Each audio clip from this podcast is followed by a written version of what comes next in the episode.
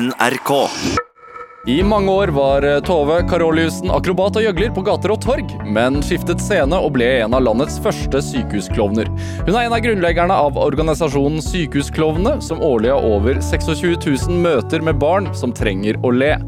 Det handler om å se det friske i det syke, mener hun. Dette er Drivkraft med Vegard Larsen i NRK P2. Tove Karoliussen, Ja. hjertelig velkommen hit til Drivkraft. Her sitter jeg og snurrer på en sånn snurrestol. Ja, du, det Prøver å holde meg rolig. Det er helt greit, det, så lenge du er i nærheten av mikrofonen, så kan du snurre så mye du vil.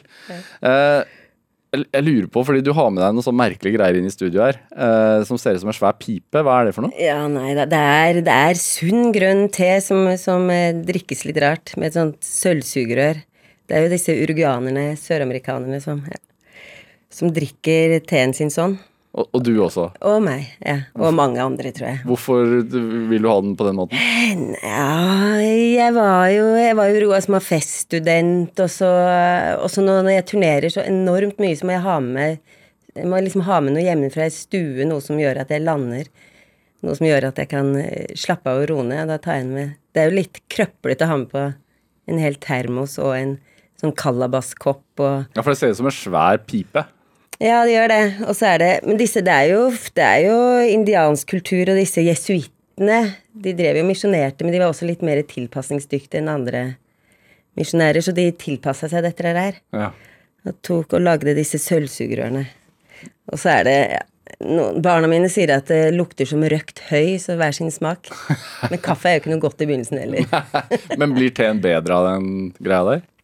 Eh, Du må, ja, altså det er jo ganske komprimert der, da. Ser det. Det er jo Men du ser jo ikke det, det Nei, nei, jeg skal på- forklare det. Det er et lite et, Det er jo en, den er, det er en kalvas som er fylt med te, Ja. og, så har du, og så har du litt rom til å, å fylle vann. Og så, og så kommer teen opp sil, silen på et sånt her metallsugerør. Ja, Så silen er inni røret. Ja. Ja. Ja. Så etterfyller Så den er hele tiden varm, da. Ja, så lenge jeg etterfyller med, med, med den herre termosen. Ja. Så den, eh, den er med. Det er lille stua mi på turné, det. Når jeg drar fra sykehus til sykehus. Ja, så har du det. Morgen, ja. Ja, Ritualet. Det skal ikke handle om te her i dag. Altså, jeg syns bare at uh, den uh, koppen din var så interessant at jeg ikke klarte Ja. å la være å kommentere den. Den er ganske fin, da. Det er lær, kalabas og, og, og sølv og metall. Den er jo Det er jo Og at så kan man ikke stresse når man drikker. Jeg kunne løpe rundt den derre kaffelatten på Grünerløkka, jeg, altså jeg hadde et sånt tre hvor jeg hang Hvor jeg hang Hvor jeg hang denne kaffekoppen. du hadde et fast tre for Et fast tre, ja. Men det ble, alt ble så hurtig. Og du kan faktisk ikke spurte rundt med dette her, så jeg må ha noen sånne her landingsbaser i hverdag og livet. Så det er en, Fjell og det er en takeaway-kopp som, eh, som gjør at man må ta livet litt med ro. Ja, og absolutt race. Altså, denne her eh, kan du jo ha i 20-30-40 år. Ja. Ikke noe? Og det er viktig for deg. Ja, det er viktig. Ja. Eh, Tove Karolysen, du er jo her eh, først og fremst i dag fordi, ikke fordi du er tedrikker, men fordi at du er eh, sykehusklovn. Ja? Um, og altså, du er klovn, og du har stort sett vært uh, gjøgler og akrobat hele livet.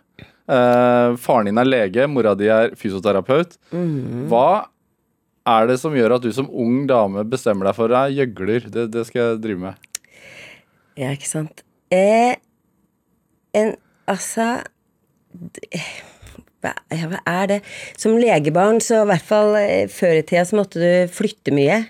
Så jeg flytta og flytta og flytta og flytta. Og flytta. Og det jeg hadde med meg hele tiden, var eh, akrobatikk, turn. Vi var turnere, alle, alle fettere og kusiner, vi var eh, Sånn som blanding av eh, en opplært rastløshet, og så var jeg ekstremt sjenert. Så i femte klassen, når guttene var, ble foreldre, da begynte de å bli forelska i meg, så sto jeg på hendene. Jeg sto på hendene hele tiden. Jeg husker bare masse sånne sånne, sånne bein på pulter. Jeg sto mye på hendene i femte. og det gjorde at jeg så verden Ble de mer forelska da? Eller? Nei, det vet jeg ikke. Det husker jeg ikke. Jeg bare husker at det var, det var sterkt å skulle se folk i øya, så da gjaldt det å snu verden litt opp ned. Det ble en barns måte å gjøre det på. Ja. Så jeg vet ikke, mange, mange bekker små, så var jeg jo AFS-student i, i Uruguay og, opplevde candombe-karneval, altså disse chamadas som er helt Hva er det for noe? Åh, du vet sambaen i Brasil, den er litt sånn Den er litt sånn lett, mens den derre den, den er litt sånn tunge, mørke, slitsomme karnevalsrytmen i Uruguay, hvor du har 50 trommeslagere, hvor det, bare buldrer i hjertet og maven din når de vandrer forbi. Eh, det er en eh, det er en spesiell eh, si, karnevalsform i, i, Uruguay, basert på afrikansk kultur, som mye er det. Så jeg opplevde jo mye plutselig at gater og torg var åpne for Altså, man, man, kunne gå og skulle handle noe, og så ble man eh, overrumpla av en eller annen eh, parade, et eller annet opptrinn, en eller annen rituell eh, fest. Og det fascinerte meg. Og så har jeg vært på masse institusjoner og syns at eh, Og jeg syns disse sosiale brillene vi har på, er litt eh, syns litt sånn synd på oss mennesker, jeg, i det moderne samfunnet. Det er veldig det, det er Ja, vi har mye frihet, men det er mye konsumfrihet, og, og hvor er friheten til å være litt rausere sammen?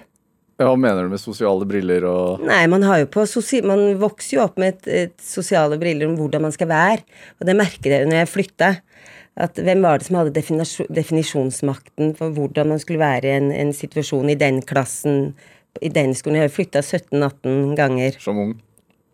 Ja. ja. Eh, og så så jeg at dette her kan man jo definere selv.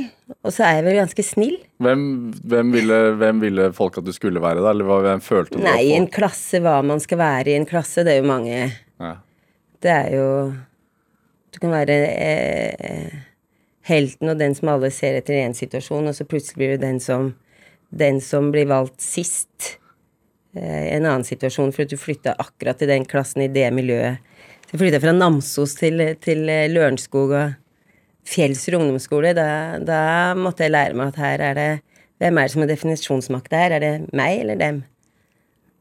Og det tror jeg har, har, har eh, Det har fulgt meg hele veien.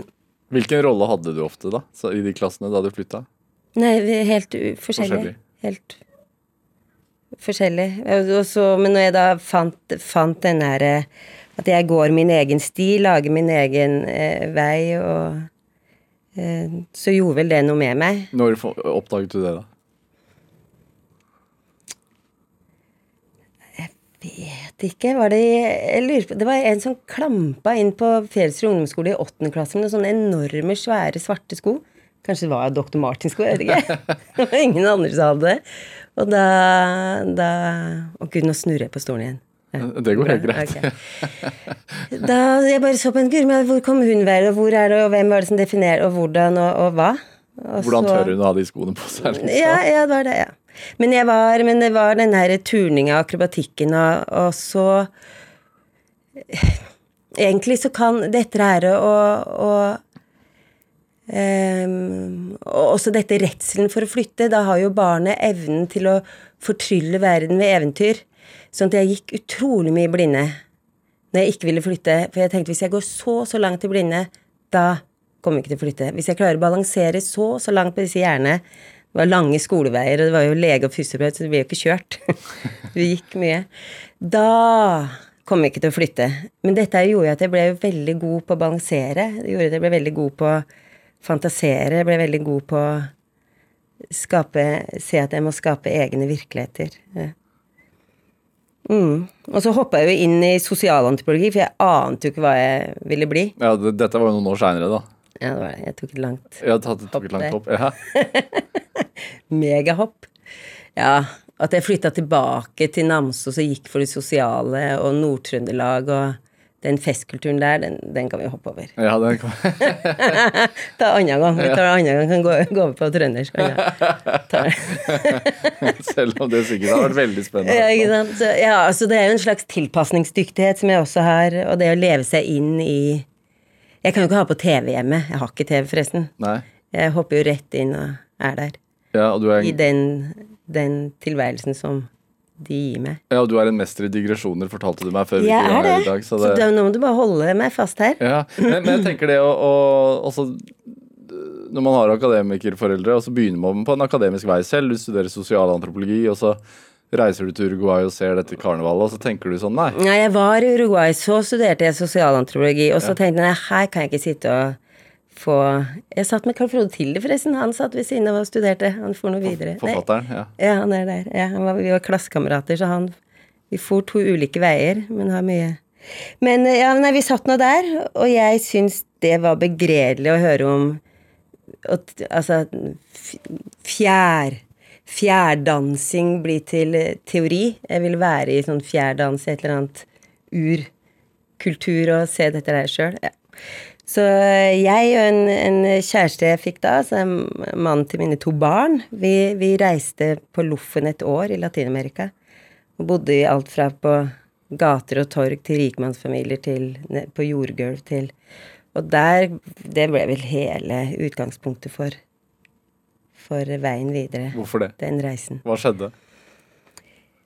Jeg kommer jo da fra et sånt Den gang da godt velferdssamfunn, ganske så ryddig, til en, en fascinerende uryddighet og med mye forskjeller og eh, Var der og kjempet med, med Besøkte damene på, i, på torget i, i Buenos Aires som kjempet for sine bortkomne barn under diktaturtiden. og var, var sammen med, med Bodde hos en, en familie Ottovallo-indianere i Ecuador og var med på Solgte tepper på torget og var med på disse vandringene hjem, hvor det plutselig oppsto disse store eh, rituelle festene, disse paradene, disse som gjorde Som veltet om på hverdagen. Og hverdagen kunne være ganske tøff, og så fikk du, fikk du den fortrylla om til noe som man kunne leve med, og som faktisk var mye bedre enn enn hva jeg hadde opplevd her hjemme. da.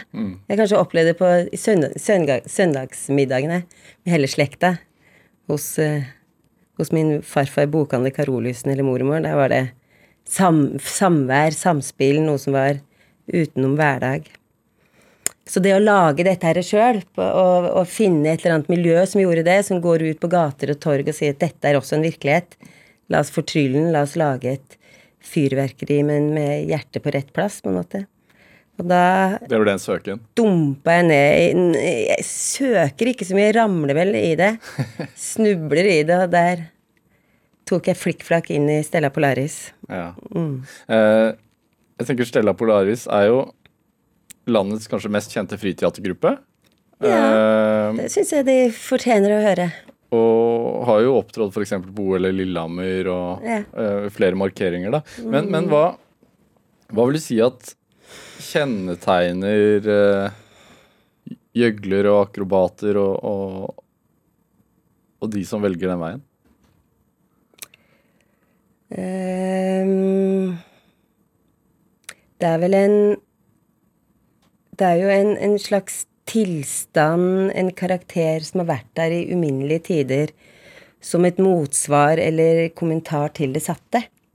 Uh, vi oppsøker Vi står jo ikke på scenen og, og, og, og inviterer publikum inn, vi oppsøker publikum der de er.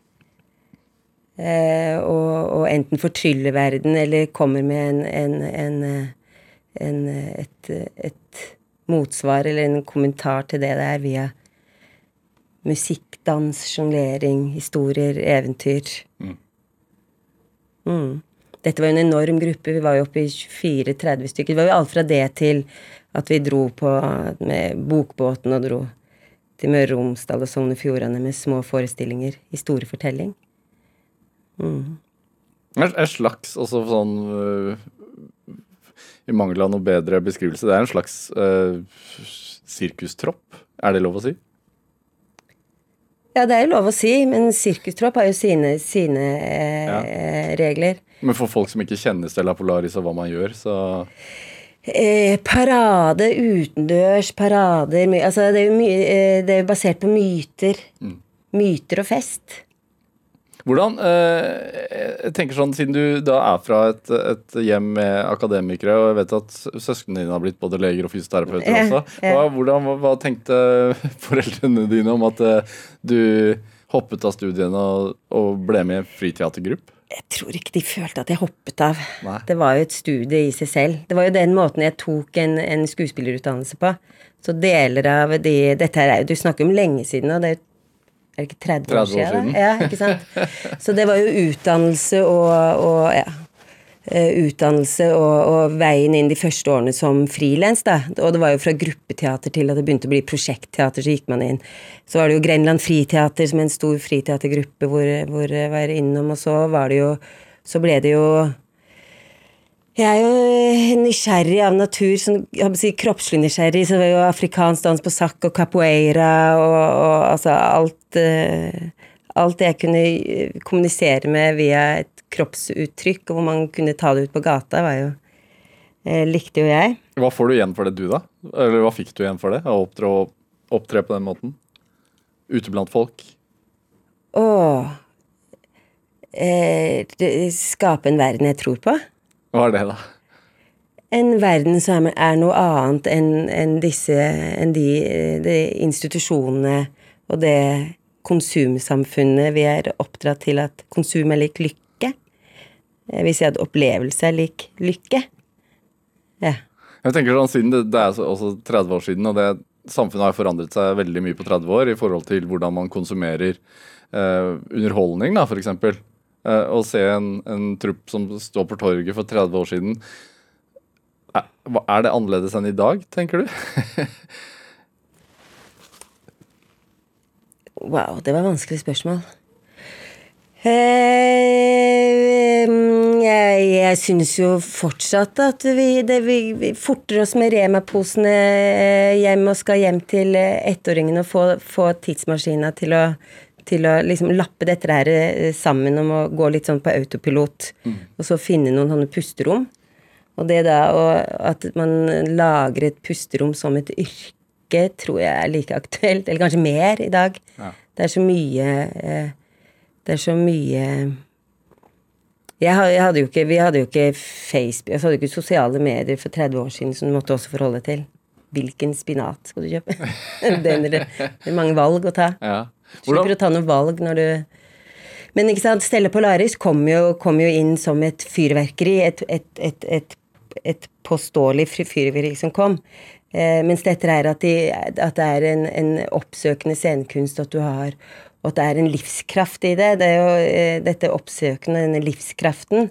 Og dette å improvisere ut fra de situasjonene som er der, det er vel det jeg har tatt med meg videre inn eh, til sykehusloven. Ja, ja, som gjorde Og at jeg alltid ble kalt for pleieren.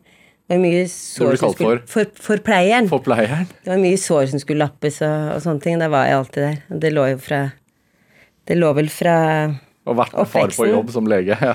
Ja, jeg var vel med som student. Altså, når han studerte, så satt jeg vel der og dingla med beina i vien ved siden av.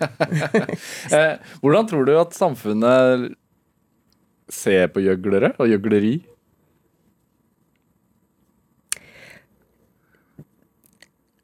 Eh, det vi eh, Altså, gjøgleri Nå er jeg jo så opptatt av em, hvordan så Jeg tror at det er veldig mye Det er veldig mye sånne det er veldig mye sånn stereotypifisering rundt det. Jeg husker jeg var på barnehagen på Løkka, og så hørte jeg en På Grünerløkka en, Ja, på Grünerløkka, ja. På Grünerløkka, så hørte jeg en, en mamma som sa til barnet sitt Nå må du slutte å være sånn klovn og lage sånn sirkus her, og slutte å gjøgle rundt. og da var det liksom bare Brukte alle stereotyper rundt, rundt eh, Så det er kanskje ikke så mye kjennskap rundt det før man, før man eh, erfarer det. Kjenner hva det er, at det gjør noe At du får litt sånn ut av det sjæl-opplevelse, at du kommer inn i, i noe som er, er eh, rikt, hjertelig. Når man, når man driver med det, er, det, er drivkraften å, å oppleve det selv eh, som eh, artist, eller er det å skape noe for publikum? Det er jo samspillet. Ja. Vi er jo i samspillet. Det er vel den, den, den, eh, den store eh, forskjellen mellom eh, Altså, det er jo alltid et samspill uansett hvilket teater du gjør. Men hva gjorde her du- så er samspillet scenekunsten. Så med, med klovn er jo ikke noe uten sitt publikum og uten samspillet. Så vi avventer Og det som er store forskjellen fra Stella Polaris og inn, inn, inn på sykehus, det er jo mye, men den største forskjellen er jo det at vi går der og er bare tilgjengelig.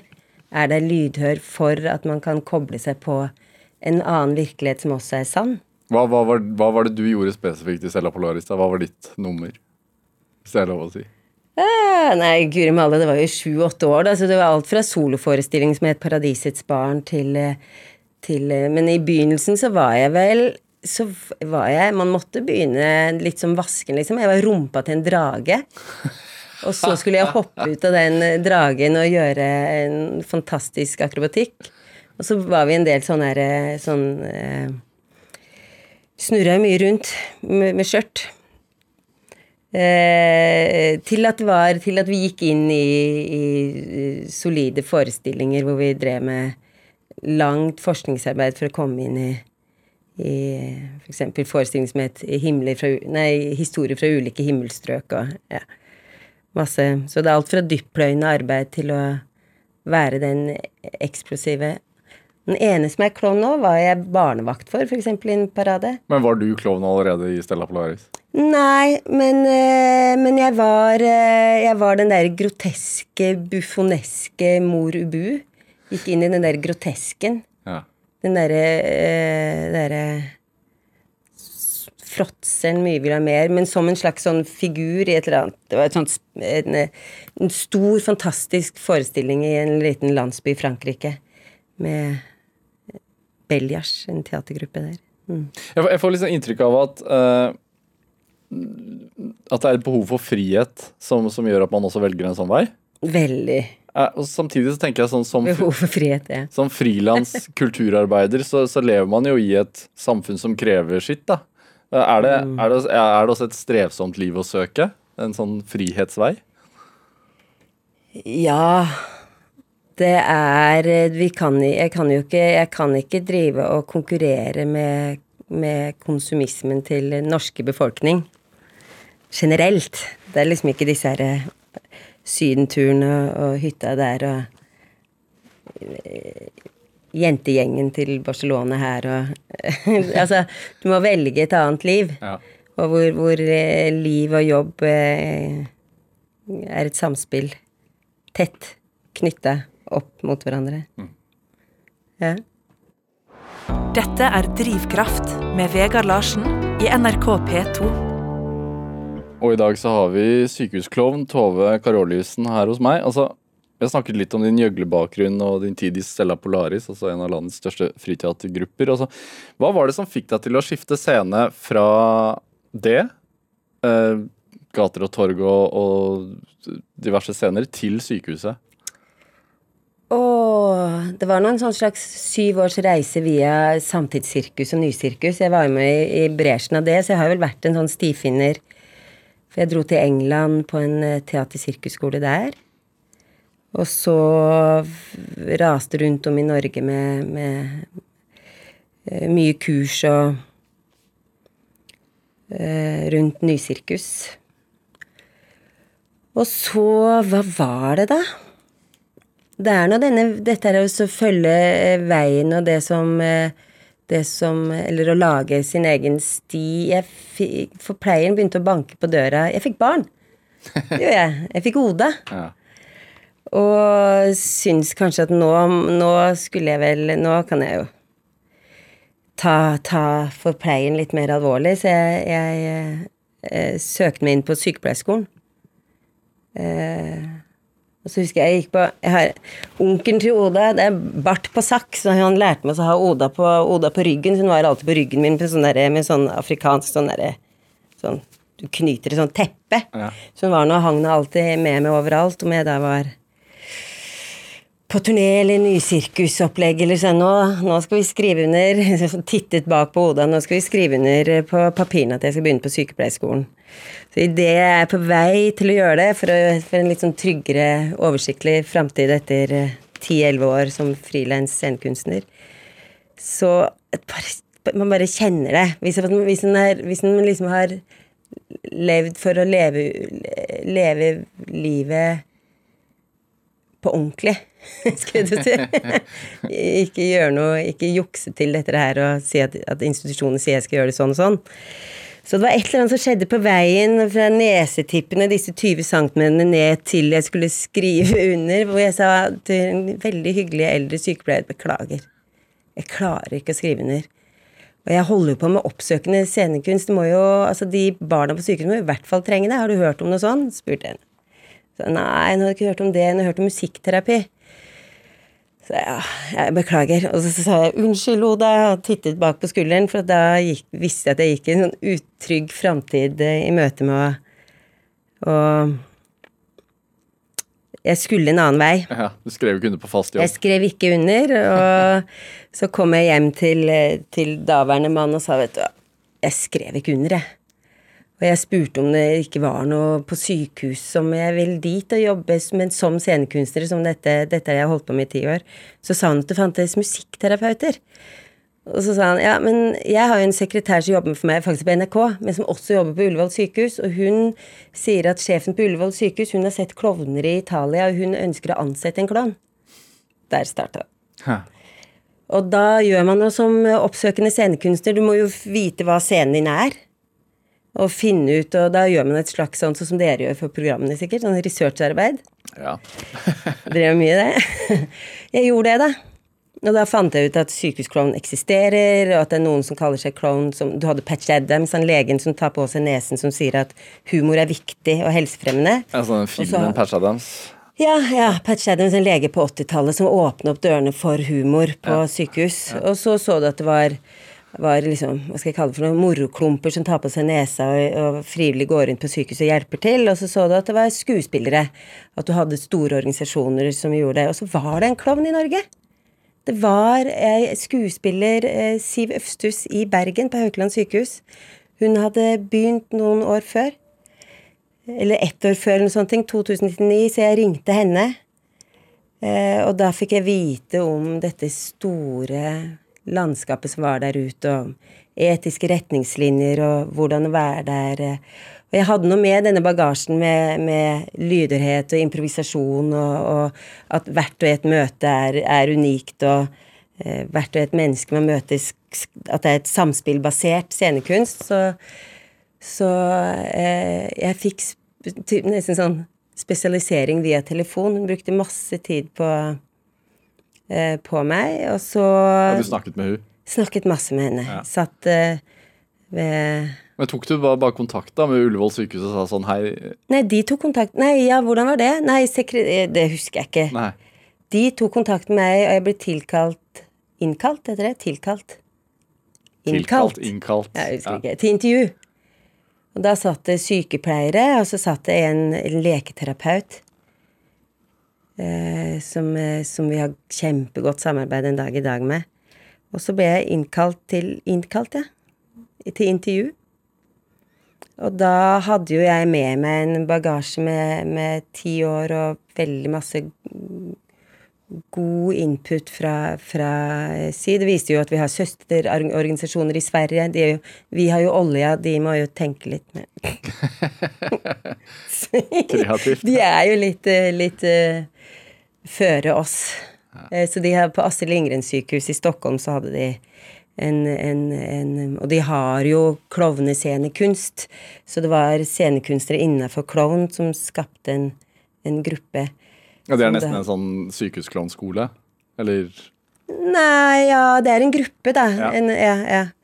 Mm. Ann Marie Møller, og, og hun viste seg å være bestevenninnen til Siv i Bergen, så de hadde jo Da fikk du jo det dyktigste av det dyktige til å, å, å lage en struktur for hva dette her skal være. For det, og det passer meg godt, for at det er, det er ikke en beskytt, Klovn er ikke en beskyttet tittel, og du hadde ikke, noe, du hadde ikke en, en kultur rundt teaterklovn i Norge da.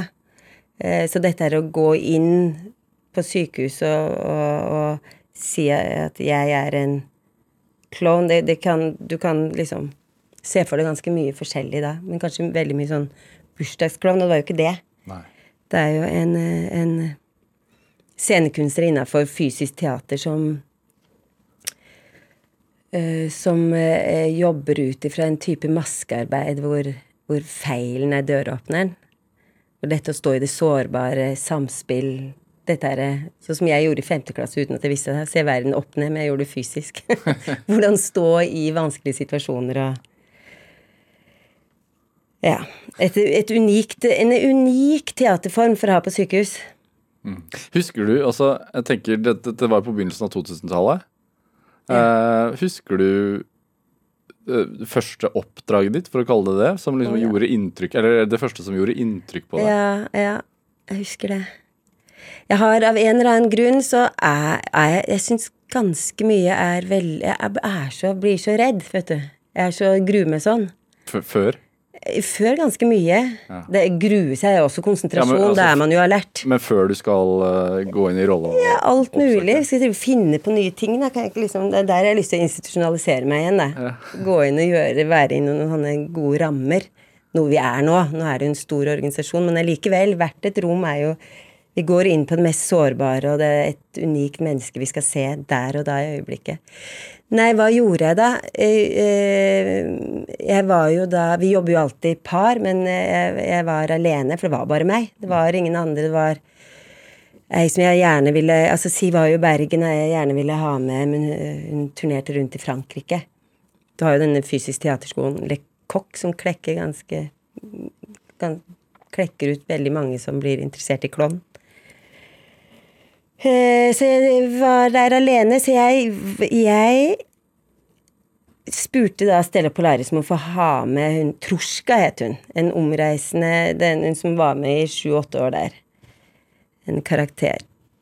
Så hun banket da på døren på sykehus, og jeg begynte jo Jeg ble jo ansatt da som sykehusklovn.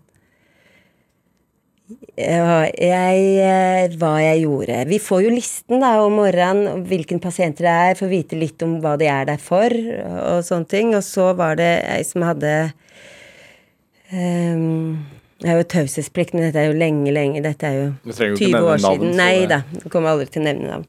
Men var i hvert fall en veldig låst situasjon. Og med beina rett, og, rett opp og inn, og noen noe rammer og strikk og styr og stell, og helt veldig låst, og, og hadde det ikke noe bra. Så det var den første jeg skulle inn til. Seks år. Jeg smøg meg bak, egentlig gjemte jeg meg bak den hvite frakken. Jeg bare husker at det var en trygg person foran meg som jeg bare klina meg bak. Helt bak sånn. En Var lege, en lege eller sykepleier? Ja. Ja, eller så var det kanskje eh, leketerapeuten som, som også vandrer fra rom til rom, som var på en måte en sånn støttepilar inn da. Så jeg gjemte meg bak, så jeg tror at uh, uh, pasienten måtte lure meg fram. Jeg var sårbar uh, og redd, men turte å, turte å hoppe i det, da. Og visste at jeg hadde en ballast. Jeg hadde jo improvisasjons... Altså, jeg hadde jo en verktøykasse, liksom jazzmusikerne. Du har en verktøykasse, så skal du improvisere rundt det, men å vite hva som kommer der og da. Men det første som kom, som hun sa til meg, var når jeg turte å titte fram, da, eller hun lirka meg fram, var at 'jeg kan ingenting', sa hun. Og var helt matt og fullt av med leker rundt henne, men det var bare Det var ikke noe, var ikke noe livslyst, det var ingenting. Og så eh, Ja, for du var fastlåst i sengen? ja, fastlåst i sengen og fastlåst på ryggen og kunne bare vende seg litt fra side til side. Og det var jo det første med Jeg husker ikke hva vi gjorde, men jeg, ting ble noe fortryllet. Det ble noe Det var en eh, Denne stangen som beina hang etter, ble på en måte himler, himmel hvor det ramla ned stjerner, og hun, jeg tror hun hadde noe, noen dukker som, eh, som eh, kunne sitte oppe der mens hun Altså, vi lagde en verden ut fra det hun hadde tilgjengelig. Eh, og så sa hun For jeg var absolutt ikke sikker på at dette ville Dette skulle jeg holde på med. Men så sa hun eh, Da jeg gikk etter at jeg hadde vært der en halvtime, så sa hun 'Jeg kan alt!' sa hun. Og det bare rommet var sånn fortrylla. Så tenkte jeg at her har jeg noe å gjøre. Ja. Ja. Så det var det første møtet. Hva, hva, I forhold til andre jobber du hadde gjort, altså, hva følte du da du gikk ut av det rommet? Nei, da var jeg litt på, på, plass, på plass med, med denne eventyrverden jeg kunne ha tilgjengelig og, og virkeliggjøre ut ifra hva barna kom med. Om det er om, Altså, det kan jo være lett dansing med tær. Til bare at, eh, at de vrir hodet sitt, og du ser livsgnisten i øynene. Og, og at pappaen ser det til litt sånn vill og poetisk ommøblering av rom til Det er jo så mye som skjer mm. uh, ut ifra hvert enkelt barn, men uh, jeg kjente at her kan jeg kombinere dette her å gjøre en forskjell i en der for det humane. Eh, jeg liker å jobbe sammen med eh, leger og sykepleiere og helseansatte. Men Handler det om å skape et, et fantasiunivers inni det rommet som liksom fjerner de fra sykesenga? Som fjerner barna fra sykesenga? Hvis, at de vil hvis at de vil en, hvis at de vil inn en drømmeverden og reise og fjerne seg fra, så handler det om det. Men hvis de vil gjøre om senga til en, til en deres hedersplass i livet. Det, får ikke du lov til å, å, å, være 'dette er min plass', at dette blir den mest Altså, det viktigste for oss når vi går, at det skal ikke skinne hos, hos oss sykehusklovnene, det skal skinne hos barnet, og så går vi ut av den scenen. Skal ikke, vi skal ikke stå på scenen og, scenen og ta imot applausen. Så det viktigste er at vi får, et, får en, et, en, en virkelighet de blir stolt av, som de kjenner at oi, her har de hva heter det Kan du kan, Empowerment. Kan du oversette det? Egen Så det handler vel om at de føler en kraft og mestring der og da? Ja, da at de, de tar rommet som sitt eget? Ja, de tar rommet som sitt eget. Og om det er da et fortryllet rom, eller at de er ekstremt stolt av den dreneporten eh, som går inn til eh, blodbanene som de vil vise oss. Er det litt fordi det at de er i en situasjon hvor de har null kontroll? De, har, de er jo det. De er jo nødt, de og foreldrene og søsknene er jo nødt til å gå inn i en situasjon hvor de må bli gjort noe med, og hvor du har, hvor du har eh, eh, leger og sykepleiere som skal være der for dem, og de skal reparere dem, eller de skal overleve, de skal Og så Vi kommer jo egentlig inn med normaliteten. det å være menneske og det humane og, og ikke minst å lette behandlingen, sånn at vi, vi kan være døråpnere for for eh, leger og sykepleiere i situasjoner du skal ta prosedyrer hvor de er eh, eh, redd eller mm.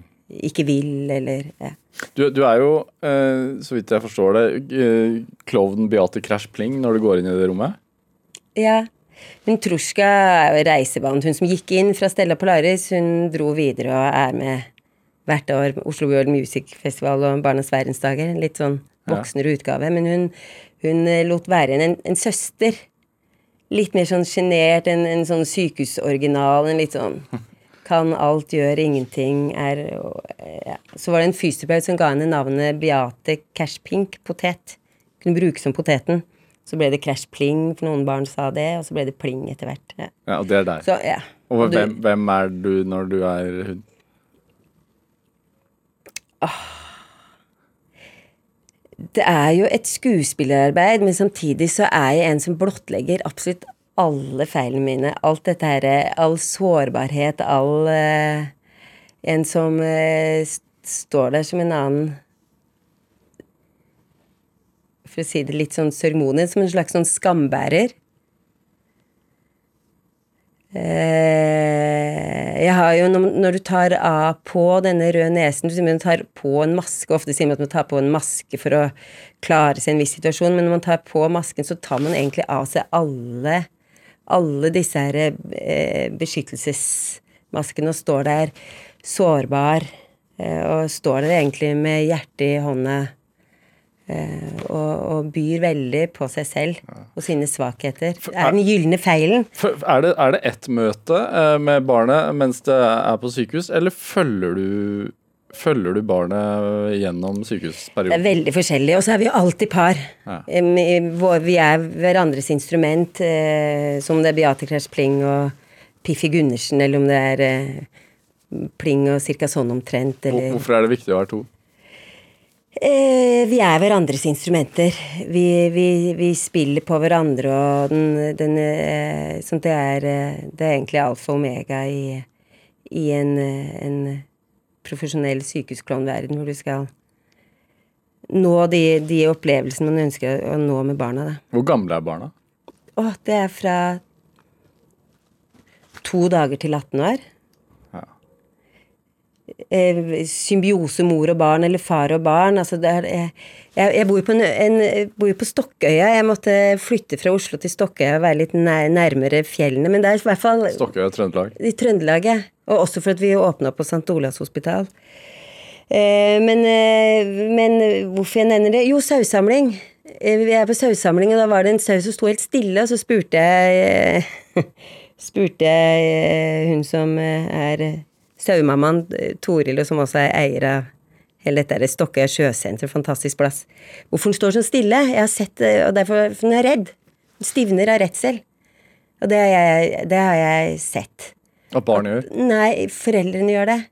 Og så er man, når man er liten, man er så i symbiose med barn, så får vi mor eller far til å slappe av. Så er dette er symbiotisk med barnet. Mens eh, tre, fire, fem, seksåringene så har du det her eh, fortryllende magiske verden hvor de er veldig gode til å putte seg inn i en, en fortryllet magisk boble av en annen virkelighet som også er virkelig.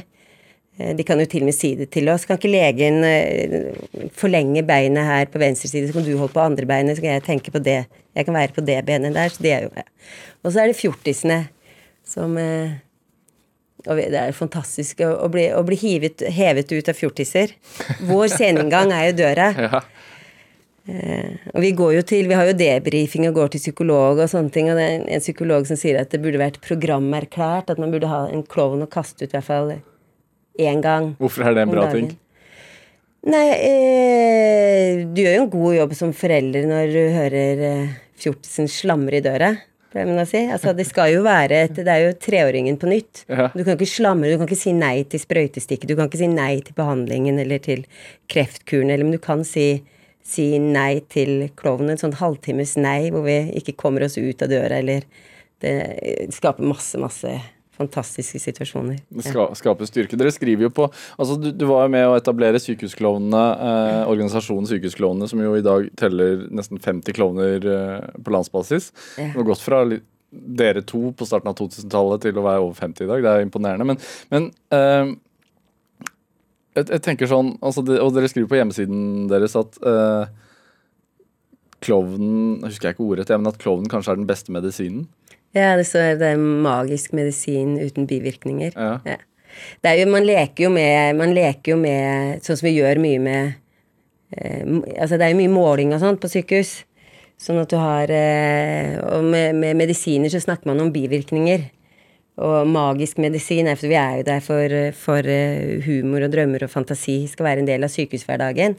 Og så er vi jo der eh, også nå mer og mer innafor. Vi er med i prosedyrer, vi er med for å lette behandlingen. Du slipper mindre, mindre eh, smertelindrende eh, medisiner eh, Hvis dere er til stede. Hvis vi er til stede. Så vi er med i faste prosedyrer. Og, og så er det jo de mest usynlige barna. Det har jo skjedd en medisinsk revolusjon, så det er mange barna som kan følges opp hjemme. Eh, Så de, de overlever, men de skal også ha et liv. Så kan sykepleier og legen komme til oss og si vær så snill, dra til den pasienten der. Den trenger livsgnist, trenger livsbejaende. Eh, Vær der for, for å ha en, en magisk eh, livsgnist i livet, så vi drar jo også hjem. De, eh, I de tilfellene hvor behandlingen ikke virker, og du merker at barnet blir sykere og sykere, hvordan, hvordan klarer du å holde motet oppe og, og gå inn der og, og gjøre en jobb? Igjen, vi er, vi er jo da eh, spesialisert i dette her. Vi har jo, når du, har, når du er som, som, som skuespiller eh, på Når du er sykehusklovn, så er du da Du har utdannelse som, som, skuespiller innafor fysisk teater, da. Eh, av ulikt slag. Eh, og så har man som regel en del års erfaring. Det er jo mange frilansscenekunstnere som har egne holdt på med egne foretak og sånne ting. Og så skal du inn i et spesialiseringsprogram som tar nesten med kurs og sånne ting. Som tar eh, vel Det er vel over ett og et halvt år. Og det er et modningsarbeid dette til å gå inn på sykehus. Der bruker vi, apropos sosialantropologi, der bruker vi dette med feltarbeid, med modning. Modningstid. Sånn at du man, man er eh, Man får en spesialisering i det å stå i sånne situasjoner. Og så er det jo klovnen, da. Den er jo der med et, en slags Den bejaer jo livet. Livet er ikke slutt før det er slutt. Um, det kan jo bli ganske stille rundt et barn i terminalfasen når man går og og kanskje noen allerede har begynt å sørge for at man vet hva som skjer. Mm. Eh, som med lydhørhet som fremste instrument, så er vi der og, og, og, og kan også være med til det siste. Eh, når, når, du ser at det er en, en, godkjennelse rundt det, eller en søsken som vil, eller at vi kjenner pasienten godt fra før. Og da gjelder det å, eh, eh, å, ha denne spesialiseringen som jeg sier vi har. Det gjelder at vi har to. Det gjelder at vi har gode samtaler med, med våre fantastiske medkollegaer, da. Eh, de hvitkledde englene, som jeg kaller det. Altså sykepleierne og legene. At vi har et godt rom der, for vi er jo rundt samme pasient. Men det tar, det tar på Jeg trodde i mange år at jeg kunne gjøre dette her som en sånn De har det så mye verre enn meg. Men man må ha en, en, bærekraft. Man må ta vare på seg selv for å kunne ta vare på hverandre og, og ta vare på de vi er der for, barnet. Da. Hva sier du til deg selv etter at du opplever sånne ting? Da? At, uh, hvorfor er det, hvorfor, hvordan orker du det? Uh, jeg blir jo drevet av Hvis man ønsker, et, et, ønsker å være i et samfunn jeg tror på, og at jeg må bidra med det og jeg ønsker å være det for de sårbare og de usynlige, så er drivkraften der så sterk. Og som med tanke på at Croven, ja, den er, den er eh, radikal, men ekstremt empatisk. Den er, eh, som en kollega sier, med hjertet på nesa. Altså det er et Vi går rundt med et kjærlighetsbudskap. Um, um, Hva er det budskapet, da? Um, ja, det kan du si. Vi Helt tidlig så var det eh, Du vet hva residiv er? Du får kreft, og så blir du frisk, men så får du det igjen. Ja. Uh, var vel rundt sånn seks år, og så får du jo sånne du får, Har du vært hos tannlegen, og så får Husker du at du fikk en Det var fantastisk å få en, en Leke etterpå? Ja, ja, ja. ja. Hvis du da har fått veldig masse av det. Mm. Jeg, jeg, kjente henne godt, så jeg kom inn på rommet der, og så skrek hun 'Jeg vil ikke ha flere bamser!' Og hun kylte denne bamsen gjennom rommet, og den landa i, i, i fanget til Pling. Og det ga meg en, en, en, faktisk en, drivkraft videre for hva dette her er. Dette her er eh, Vi bidrar til eh, opplevelser. Vi bidrar til et eh, Hvor opplevelser skal være sterkere enn ting. Så vi, vi, kommer jo ikke med Altså når vi, når vi, når vi, har kanskje et eller annet i, i, lommene som kan sprites etterpå. Vi er jo verdens mest renslige skuespillere. Det er, det er mye, mye hygieneregler og sånne ting. Men vi på, på Rikshospitalet jeg begynte, for jeg begynte på Ullevål og så Rikshospitalet, og da var det noe som heter Barneprogrammet, som skulle være der for å stimulere det friske. Og så hadde det noe som heter gavemidler. Og jeg spurte om, om Vi har jo substantiv, vi lærte jo at det var konkreter og abstrakter. Hva med abstraktene? Altså abstrakte ting. Kjærlighet, samhold, samspill, lekenhet. Alt dette her må jo inn i barnets tilværelse på sykehuset. Um, og, og, så vi er eh, Så for meg så er det viktig. At, vi, at jeg bidrar til opplevelser. Bidrar til samspill som jeg kan tro på, og utvide, og utvide det å være menneske sammen. Og, og, og klare også å være et positivt forstyrrende element. Men for at man har flere strenger å spille på enn, en hva man kanskje tror, da. Mm. Mm. Merker du at ikke barna er jo én ting, altså, uh, men, men, foreldrene er jo en annen. Altså, merker du at uh, dere bidrar til at foreldrene kanskje får en bedre opplevelse av dette her også? Av ja, sykehusopphold? Ja, ja. Og samspillet med foreldrene er døråpner til barna, eller omvendt samspillet med, med barnet som får det er, det, er, det, er, veldig kort mellom latter og, og, gråt, så det kan gå fra skrik til fullstendig latterkrapp i dette overraskende, for vi kommer jo ikke med ferdige forestillinger. Det er jo improvisasjon hele veien, at, skal, at vi kommer overraskende. De skal ikke vite at vi kommer, for i dette overraskelsesmøtet så ser vi hva vi kan spille på videre. Og der er jo ofte foresatte med. Og, og, og en del ganger søsken. Så vi er jo der for helheten, men med barnet i, i pasienten i fokus, da. Hender det at du gråter selv? Å ja, det gjør det. Så vi bruker tid med hverandre, duoklovnen, og har debrifing eh, eh, hver dag. Eller at vi må ta en pustepause sjøl før, før, man går videre. Men det, samtidig så er det et, sånt, et driv i det når vi først har på nesen. Det, det er verre å være på sykehuset uten den røde lille maska, for den ser jo verden på en annen måte. Den ser det friske. Den ser det friske hos barnet, om det så er en, en dansende tå. Mm. Det er alltid noe som kan Og foreldrene kan si at det å se barnet sitt bekymringsfullt om så bare et lite øyeblikk Bekymringsfritt, mener du? Ja, unnskyld. Se, ja, det var en som sa til meg å se barnet sitt bekymringsfritt om så bare et lite øyeblikk, det er mer enn lykke. Og det ser vi. Dette er at vi får eh, Om det så er den her eh, livsgnisten i, i, i blikket, eller at du får fram det lekne barnet igjen som vi er jo inne hos barn som ikke vil Eller en ungdom som ikke vil være oppe av senga på to uker. Og så går det Gerd Bang og Pling den gangen der, da. Eh, legen Pling er deg, da. ja, det er meg. Det er alter ego. Ja, jeg skal kalle det som en tredjeperson. Ja. Vi går inn der, vil ikke ut. Legen går gråtende ut, for får ikke det Altså, det er vært der på sykehus i mange, mange år. Og da nekter Gerd Bang å komme inn på rommet. Nekter like mye å speile barnet kjenner på dette, nekter like mye som barnet nekter å, å, å stå på senga, nekta gjort det på to uker. Og Pling er rasende. Dette er en familie vi da kjenner godt.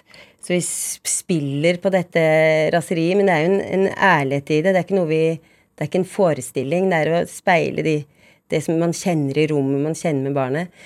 Og til, og, men Gerd Bang er da nesten stare enn barnet, så til slutt så ser du barnet som reiser seg opp og vipper ut av senga for å trekke inn Gerd Bang. Så det er noe med å ja. Og det er klart at det er lettende for mor. Ja. Og for legen og for sykepleierne, så det ja. Jeg tenker sånn i, i, vår tid, når barn vokser opp og har iPads og, og telefoner og, og dataspill og sånn, er det en utfordring i forhold til det, eller er det fremdeles plass til klovnen? Det vil alltid være plass til klovnen. Fordi at eh, denne iPaden kan jo aldri, aldri ta vekk eh, Den kan jo ikke konkurrere med mennesket og fantasien, sånn at eh, Men det er, en, det er en skjerm vi noen ganger må forbi til barnet, og noen ganger så bruker vi det som en vei inn til. Sånn at ikke vi kriger mot det, men at vi eh, bruker det som ja, det er en liten en som er For vi, vi har jo taushetsplikt, men det er, det er, noen som ønsker å stå fram. Det er viktig for oss å, å, å synliggjøre dette. Det er jo en usynlig scene, og mm. det er jo eh, Så, så vi, vi, trenger historiene. Han, han heter Supersindre. Var veldig redd for sprøytestikk og alt, og vi har vært med han gjennom mange år. Og der er veien inn gjennom en sånn iPad. Eh, ligger inne på sosiale medier, men vi han, han, trykker på iPaden, og vi gjør et eller annet og hopp, og det er en sånn ja. Han styrer så, dere? Ja, og så hun filmer det vi gjør, og så tar den oss inn på sin iPad, og så driver den og leker med oss etter at vi har vært der. Okay. Så det kan jo brukes som en forlenget arm, og vi ja. har jo mye av det. Folk som er isolert, og barn som er isolert, og hvor vi bruker Jeg er veldig glad i postkort. Klovner som skriver. Det kan bli underligheter av det. Jeg tenker det, det er jo en del barn som er redde for klovner. Hadde det vært en del, så hadde ikke jeg sittet her i dag Nei. og holdt på med 20 år. Men det er mye skumle klovner på film og TV og sånn. Ja. Og jeg kan liksom ikke forsvare det. Jeg pleier å si at de, de vokser Altså, du bruker Hvis du ser sånne Jeg kan ikke Jeg syns liksom livet er, er actionfylt nok, så jeg gidder ikke å se på sånt. Men, eh, men det Altså, de bruker babyer, dukker dukker, klovner, disse her som er sånn naive, åpne, uskyldige til noe Og så er de jo uforutsigbare, men i, med det positive.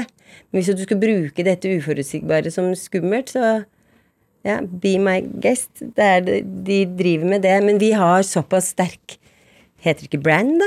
Mm. Sykehusklovnene er, eh, er eh, basert på eh, noe helt annet.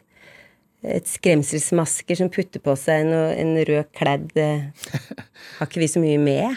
Jeg, jeg Men så klart at vi er Vi, vi har, kommer i situasjoner når det er, kommer sånn derre eh, Bølge rundt eh, Nille-halloween. så, så, så syns jeg Så er det synd på de barna som ikke får denne døråpneren inn til det friske som vi kan stimulere, fordi at eh, man bruker litt sånn billigtriks på skremselsfilmer. ja, jeg, vet at du også er opptatt av noe som heter Klovner uten, uten grenser, hvor du, hvor du bl.a. har besøkt flyktningleirer i Aten og sånne ting. Altså, for, for også å gi barna Ja. der Ja. en god opplevelse, antar jeg. Jeg, jeg, jeg tenker sånn, hva, hva er det som driver eh, Tove Karoliussen? Eh, nei, altså, vi er ikke vi. Vi er jo vokst opp i et eh, Norge hvor alle får eh, muligheter, et type sånt velferdssamfunn. Og når ikke Og når du Og vi er jo Er vi ikke medvandrere, da? Eh, så vi Hva eh, mener, og, du, hva mener du med medvandrere? Nei, det er noen som snakker om innvandring og flyktningstrømmer og, og sånt styr og stell, og det er jo en litt sånn avsporing av medvandring. Vi er jo Vi er jo her eh, sammen. Ikke så stor, denne jorda. Jeg, når jeg var liten, så pleide, da jeg var liten, så pleide jeg å ligge ute på gressplenen sammen med kusine og se på disse her mørke augustkveldene og se på stjernehimmelen. Er Ganske store greier. Er ganske små. Vi må jo vandre, vandre med hverandre. Nei, og så er det Det er jo ikke noe artig med urettferdighet. Det er ikke noe artig at andre lider. Så det å være der for de sårbare og en usynlig gruppe, det ligger jo veldig ligger jo veldig nært også fra disse reisene i Latin-Amerika og hva jeg har jobbet med i ulike sånne som, som aktivist, da. Tove Kareliussen, det var det vi rakk på en time. Tusen takk for at du kom hit, på, hit til Drivkraft. Hør flere samtaler i Drivkraft i NRK Radio på nett og app, eller last oss ned i din podkast-app. Send forslag til gjester jeg kan invitere til programmet, eller en tilbakemelding på det du har hørt. Send en e-post til drivkraft.alfakrøll.nrk.no. Produsent i dag var Kjartan Aarsand. Jeg heter Vega Larsen, og dette var dagens Drivkraft. Du har hørt en podkast fra NRK P2.